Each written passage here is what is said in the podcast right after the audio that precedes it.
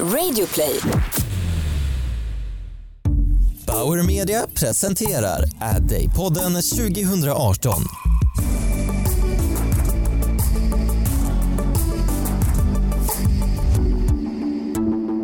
Välkommen till Ad Days podcast som produceras tillsammans med Bauer Media. Jag heter Jenny Kaiser och är client director på reklambyrån Åkestam Holst. I den här podden låter vi dig inspireras av några av AdDays talare inom marketing, entreprenörskap, innovation och kommunikation. Jag sitter nu i Bauer Media studio och framför mig har jag fantastiska Kristoffer Vural, VD och grundare till Selatin. Varmt välkommen Kristoffer! Tusen tack. Kul att se dig igen. Kul att se dig. Du, eh, vi tänkte börja lite grann övergripande eftersom många eh, är väldigt intresserade av vad du håller för typ av föredrag här på Adday. Så skulle du kunna börja med att ge en kort recap om ditt eh, föredrag och berätta kort också vad Selatin är för någonting. Absolut. Cellatin är ett modernt oral care-varumärke. Så vår ambition är egentligen att förhöja upplevelsen av oral care. Och vi är det första varumärket som egentligen sätter lika mycket fokus på upplevelsen som på den kliniska prestandan. Var kom den här, eh, kan man nästan tänka sig, galna idén fast det är verkligen inte ifrån? Eh, den är, idén är sju år gammal ungefär. Mm. Jag ehm, och det började med att jag inte alls gillade hur tandkräm smakade. Eh, och det är så här, efter 20 år med pepparmint och eukalyptus, det är ändå 5-10 minuter på morgonen och kvällen, alltså i 20 år, så blir det ju det blir rätt tröttsamt. Och jag tyckte att, jag menar, de som säljer tandkräm, de har, de har ett jobb egentligen och det är att få en mint att smaka okej. Okay. Men eh, de var antingen för metalliska, eh, alltså smakade lite för kemiskt eller var lite för riviga. Eh, så jag tänkte att det här måste gå att göra bättre. Och jag började studera eh, nej men egentligen bara säga, industrin, mm. alltså all care-industrin. Och, och det, det visade sig att det var just det, det är så 100% industri. Medan om man kollar på andra kategorier i badrumsskåpet som alltså parfym mm. så är det en blandning av så industri och konst. Och eh, så vår ambition är väl egentligen att det ska bli lite mindre av en industri men att vi ska fortfarande finnas i en kommersiell kontext. Mm. Du eh, säger ju att eh, Celatin ska bli liksom eh, parfymens svar på Chanel. Ja, det, det stämmer. Hur gör man det? Ja, säg det. Men Nej, men eh, till att börja med så att man tar det på allvar ändå. Att, det, att man inte ser vad det är just nu utan vad det kan vara ändå. Det är väl just de aspirationerna som eh, Salatin ligger i ändå. Så när jag började så jag definierade jag egentligen tre kriterier som jag tycker att alla borde förvänta sig av tandkräm och oral care. Eh, och det är, alltså det första, det är den kliniska prestandan, men det är ganska given mm. ändå också. Att så här, produktegenskapen och så vidare. Produktegenskapen innehåller fluor, den är granskad av Svenska tandläkarförbundet och så vidare. Men det där är ju, det där är ju så här, the baseline. Alltså, hel och ren, här på att säga. Hel och ren. Mm. Uh, och nummer två är att jag menar, skulle jag jag så här, aromer och smaker som är med som kompensationer ändå också så att det blir man lånar tänket från hur, alltså, hur komponerar man parfym? Jo, men det är oftast en blandning av flera olika dofter som skapar en syntes av någonting som inte riktigt finns. Mm. Och det är det vi försöker göra smakmässigt. Eh, och att eh, vi kombinerar det med liksom, estetik som är magnetisk eh, och som verkligen känns ikoniskt. Mm, mm. Så det, det, det känns ja, det, det är en kittlande tanke att uh, skapa varumärket som förändrar perceptionen av oral care från något mundant till något sexigt och coolt. Jag tänker också väldigt mycket att design har en central roll i varumärket och nu utrullningen. Hur har ni tänkt där? Uh, ja, men att det ska vara just uh, Alltså, om man kollar på alltså oral care så brukar vi säga att det ska vara ett anti-Colgate. Det ska vara... det ska kanske vara... någon får ringa och bli arg här. Ja, det är kanske det. Motsatsen till vad de gör. Mm. Eh, nej, men att det ska vara, jag tänker så här kliniskt minimalistiskt. Att det ska vara men så här, så vitt och svart, så monokront. Eh, Och eh, alltså formspråket har en, alltså, en liten blinkning till alltså, mina orientaliska rötter och sådär så att det finns med och som också finns med i de kryddor som finns i i de olika smakerna mm. ändå. Så det är någon, eh, någon form av mix av det. Men det är väldigt eh, men som sagt, väldigt inspirerat av, ja, men, liksom sneglat på Chanel och, mm, mm. och Dior och ja, men, så här, försöker anamma det språket. För när jag tittar på det, er design eh, så tänker jag direkt att jag menar, om man tittar historiskt sett eller på befintlig kategori, tandkräm om nu får säga så, oral ja. care, så är ju designen ganska obefintlig om man nu säger så. Det är ju en produkt man ställer in i hyllan, inte har framme och så vidare. Eh, och helt plötsligt kommer här en tandkräm som är som sagt någonting vi använder varje dag. Det är liksom, vi tänker inte riktigt på det nästan. Och kanske faktiskt förtjänar en plats på en öppen badrumshylla eller på handfatet eller på ett skåp skåp och så vidare. Är det meningen att titta på utifrån drivkrafter också eller? Ja, alltså det är ju såklart en det är såklart en del av den. För mig personligen inte den primära. Ändå. För mig var det mer upplevelsen. Men det är mer att när du ändå gör någonting, så varför inte göra det supersnyggt? Eller, ja. ja, sant. Så det är klart att, eh, men, eh, det är klart att tandkrämen och tandborsten, de är ju de saker du alltid har framme i badrummet ändå. Mm. Och ändå är det de produkter som har fått minst kärlek, mm. alltså när det kommer till utförande. Mm, mm. Så det är antingen en produkt som folk stuvar undan om de får gäster, eller lägger ner i en låda för att mm. de ska slippa se det. Och det här är ändå en produkt som att ja, men du behöver inte skämmas att ha den framme. Nej. Precis. Och apropå kärlek, ja. namnet Selatin, berätta. Ja, det, det, namnet kommer från min farfar. Mm. Uh, och han föddes i det som om det var Osmanska riket då. Och, uh, han, var, ja, men han hade olivgård och odlade kryddor och sådär. Så det, ja, det är en hommage till honom och jag såg ändå Ja, en bra representation av vad sallatin ska göra rent smakmässigt. Ändå. Alltså man kombinerar kryddor med alltså mer västerländska fräschörer. Mm. Det är den här syntesen mm. som är intressant.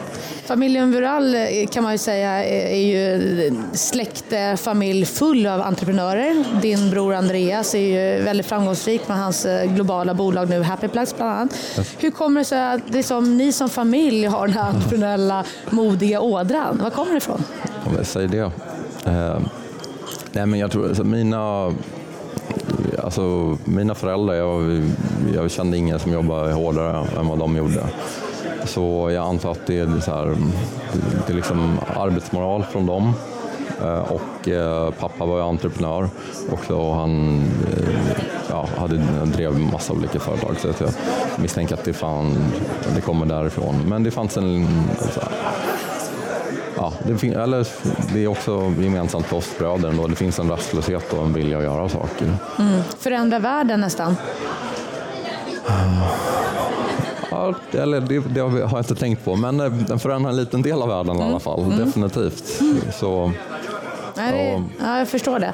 Eh, hur tänker du? Så att säga, eh, vi har pratat om det lite grann här kopplat till utmaningen, svårigheten till att vara entreprenör, att dra igång ett bolag och så vidare. Berätta lite grann, hur har resan varit än så länge? Eh, ja, men den har varit ganska, den var ganska tuff ändå. Att, eh, jag, jag har fått reda på under resans gång att jag är inte den första som har försökt göra det här. Men däremot så är jag den första som kanske har drivit igenom det helt och hållet. Och det är för att eh, oral care är ju generellt ingen industri som är snäll mot outsiders. Det är, en ganska, det är ganska tufft att få fabrikernas uppmärksamhet och eh, det är ganska kapitalintensivt. Och det är en lång startsträcka från, från idé till eh, alltså färdig produkt i handen. Mm. Så det har, varit, det har varit tufft men det har gått bra och superstolt över produkten. Den är verkligen eh, Nej, men eh, det är verkligen till den gränsen att, eh, jag nämnde det för dig tidigare, mm. eh, om du testar Cellatin i en vecka och så testar att gå tillbaka till den vanliga tandkrämsan så du kommer du kommer inte vilja fortsätta med den gamla. Jag ser fram emot det, jag verkligen blir jätte, jättenyfiken äh, faktiskt. Ehm, lite grann också tillbaka till det här med att eh, du har en ambition att göra tandkräm till en designikon, ett globalt eh, bolag, ett fenomen kan man väl säga, nästa stora svenska export. Ja. Fåfänga och ideal, det är något som debatteras ganska flitigt i alla branscher. Eh, om man tittar inom så film och modebranschen ändå, där det är högst eh, aktuellt kan man kalla det för, så ser vi liksom en del rörelser. Alltifrån att man minskar på retuscheringar, man visar det äkta jag, man börjar prata, eller börjar prata om man har använt plus size modeller som egentligen är högst här, normala människor eh, och så vidare. Eh, och även på catwalken så ser vi en mångfald på ett helt annat sätt, vilket jag tror att vi alla tycker är väldigt spännande. Men också så här, vad handlar det om? Är det så att vi börjar bli mindre fåfänga? Är fåfängan mindre betydelsefull? Eller? För du hävdar ju själv vara en ganska fåfäng person. Om jag hör det själv? Ja, du säger det ibland. det har vi läst i, runt omkring. Ja. Ja, men det, ja, men det, det, det kan hända att jag, jag kanske framförallt uppfattas så av en del. Eh, men så är det klart att jag är intresserad av design och kläder. Men sen är det klart också att det, eh, det man ser är ju ändå att eh, man ser helt klart en helt annan mångfald och liksom representationen då av, ja, men på catwalken på alla liksom, håll och kanter och det är bara positivt tycker jag. Att det, alltså, varumärken han ska ju ändå trots allt representera sina kunder på ett eller annat sätt ändå. Eh, och det tycker jag att man ser eh, ja, men, eh, allt ifrån jag menar, H&M till Acne som gör ett väldigt bra jobb med det. Eh, personligen tycker jag att det är Alltså så här, man pratar definitionen som perfektion, att det är ju ganska ointressant när saker och ting är perfekta. Och det ska ju vara någonting som är lite skevt eller som inte stämmer. Det är så det blir ja, riktigt intressant. att alla tjänar på det, det är en win-win. Du, vi känner ju varandra lite grann tidigare från modemagasinet King när vi jobbade båda två. Precis. Och du jobbade ju på redaktionen och var ju verkligen i hjärtat i liksom manlig, i männens modemecka kan man kalla det för. Hur yttrade sig fåfängan där? Eh, nej, men det var eh, alltså inte alls eh, ska jag nog säga ändå. Det var en väldigt så, självdistans till fåfängan då. Det var snarare så att det liksom, om, det, det, om några liksom fåfängetendenser yttrar sig så var det någon som var där och lappade till en lite snabbt med en syrlig kommentar. Så det, eh, vilket var också en del av det jag gillar med det. Det var väldigt kul alltså stämning och Eh, det kanske inte stämmer för hela liksom, modevärlden riktigt. Nej. Vi ska byta lite ämne här. Eh, därför att eh, jag själv eh, tänker väldigt mycket på det stora teknologiska skiftet som vi är inne i, som vi knappt vet egentligen vad det kommer att ta vägen. Det handlar om AI. Paraplyet AI, för det infattar ju väldigt många olika typer av teknologier. Eh, där man kan väl säga att det är två väldigt tydliga motpoler just nu. Elon Musk som eh, hävdar att AI kan vara det största hotet mot mänskligheten och Mark Zuckerberg som typ eh, hävdar motsatsen. Var befinner du dig i hela det här teknologiska skiftet från ett så här mer mänskligt och personligt perspektiv? Ehm, nej, men jag, jag följer AI ehm, ganska mycket och jag är ju ändå alltså, någonstans är jag med, eller, ja, men med Elon Musk. Alltså, det är, alltså, singulariteten kommer troligtvis uppstå alltså, under det här århundradet. Och, och alltså, när, vi, om vi, när vi människor ska förstå alltså, överintelligens det blir ungefär som när myror ska försöka förstå internet. Det kommer att bli en utmaning. Ehm, så, men, så eh, jag tycker man ska generellt lyssna på Elon. Han är en ganska klok person. Eh, som är rätt smart också. Så. Jag är väldigt kluven själv också ska jag säga. Å ena sidan så eh, försöker jag se mig själv som en optimist och eh, omfamna det nya och, och liksom se alla möjligheter på det sättet. Och samtidigt skrämmer mig eh, framtiden lite grann när man tittar på liksom, profetier från Hollywood och, och den rörelsen som sker. Att, vad kommer vi människan, liksom, får vi plats framöver när liksom, robotics och eh, machine learning och så vidare nästan tar över? Ja precis, och vad händer med den sociala stabiliteten när det är, åtminstone i övergången? Alltså när eh, människan mer och mer ersätts av här, maskiner.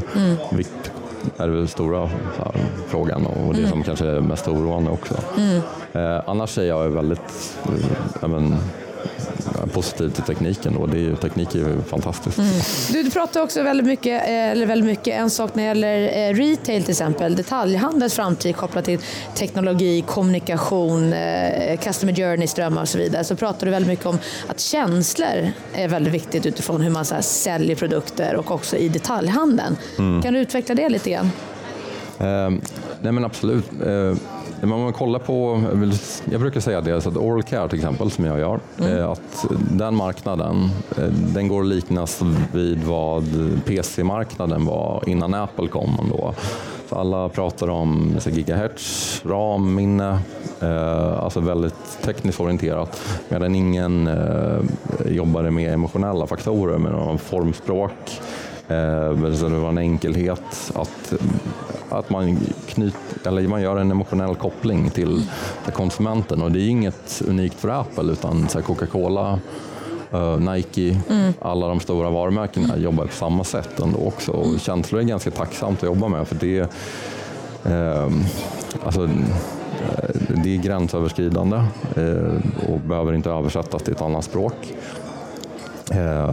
Men sen tror jag för detaljhandelns utmaning det är att eh, fler och fler köper eh, jag menar, handlar på nätet. Så att när du väl kommer in i en butik eh, idag eh, så måste det verkligen vara en speciell upplevelse ändå också. Att du verkligen men att man har verkligen tänkt igenom det 100% och ser till att du levererar det, alltså ett mervärde för att någon faktiskt går till butiken. Um, så då blir den fysiska butiken egentligen, dess roll är ju någonting annat relaterat dess roll för ett antal år sedan, jag säga. Ja, men det ska väl mer vara som en fysisk manifestation av varumärket mm. ändå också. Så här, mm. menar, allt ifrån menar, arkitekturen till liksom, hur det ser ut och hur mm. jag menar, doftar. Just det. Eh, ja, men till alltså, mottagandet.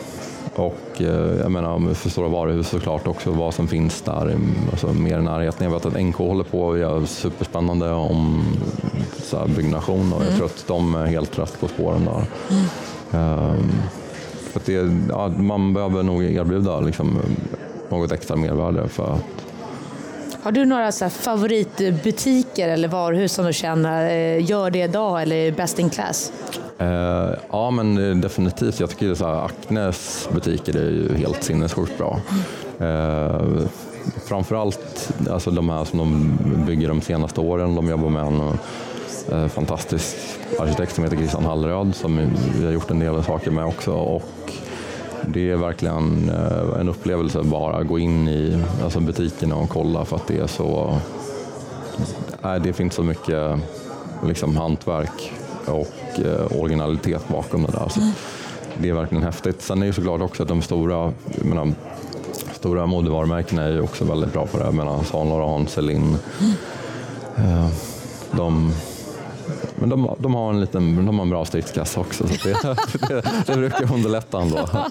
Vad tror du för Selatins räkning då? Kommer vi få se någon typ av eh, häftig just eh, pop-up installation eller vad, vad drömmer du om framöver för varumärket? Och Ja, men det, det är såklart. Vi får nog börja med någonstans liksom på installation och för målsättningen på lång sikt är väl att vi ska, vi ska vara det första varumärket som har concession stands. Alltså det du ser när du går in på alla stora varuhus så har du Chanel, Dior och sådär. Och vi vill vara första olika varumärket som har ett bås. Och det är, och det är en långsiktig vision. Mm. Och sen eh, framförallt så kommer väl någon dag också förhoppningsvis när vi vill öppna egna butiker. Mm. Och eh, men, som sagt göra eh, manifesteras allting fysiskt. Ändå. Mm. Jag tänker mig något av ett futuristiskt apotek-känsla. Mm. Jag gillar det. Superspännande. eh, och eh, innan vi avslutar med de här fem snabba frågorna. Ja. Eh, nu med tanke på den erfarenheten du har, vad, skulle vad ger du för råd till unga, eller det behöver inte vara unga, men till liksom de modiga entreprenörerna där ute som sitter hemma eller någon annanstans och funderar på ett spännande varumärkeaffär. Vad ger du för råd till dem när man ska dra igång ett nytt bolag? Um, det är väl det att bara göra det ska jag säga. Och sen så eh, när du kör fast så bara ring och fråga människor som du känner eller som du inte känner. Bjud dem på lunch. eh, och liksom pepprar dem med frågor. Alltså folk eh, är otroligt hjälpsamma inom entreprenörscommunityt ändå, så det finns en, alltså alla har varit i samma situation ändå, så det, det, det finns ett bra stöd där ute ändå. Så sen är det bara att hålla ut. Hålla ut och kötta på. Ja, exakt. exakt. Ja, men jag, jag, tror att det är en ganska viktig poäng där du lyfter just att eh, entreprenörskap och vi pratar jättemycket om det när det gäller affärer överhuvudtaget. Det är ju inget short sprint. Det är ju verkligen så att säga, ett maraton på det sättet. Ja, du måste vara maraton. ultramaraton till och med. Vi tar, vi tar den med oss, jag får säga. Ja. Eh, då tänkte vi avsluta med, bara med fem eh, ord. Bara poppa upp eh, det första du tänker på. Är du redo? Pengar.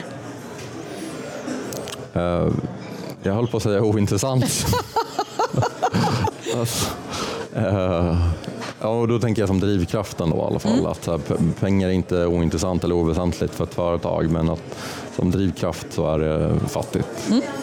Musik. Och, eh, det, det, magi det är det bästa som finns i livet. Salatin. Coolt. Sommar. Oj, jag vet vad jag höll på att säga. Ångest. Det var det första som poppade upp. Ja, det var första- vidare om det ja. sen. Och eh, kärlek. Oj, det var det var en blank där, men det var kanske talande för min situation. Ja, så är det. Du, stort tack för att du var med i Bauer Medias eh, podcast här på AdDay. Eh, Vi kommer att se mer av varandra framöver. Tack själv. Tack alla ni som lyssnat eh, och vill ni höra på fler härliga spännande samtal så kanske ett av eh, min kära kollegas Jessica Morales eh, samtal skulle kunna vara intressant. Hon träffar bland annat Diana Amini som är global manager på H&M Foundation och de har ju genomgått en fantastiskt spännande resa som handlar om mångfald och framförallt hållbarhet. Kika in på det samtalet och lyssna.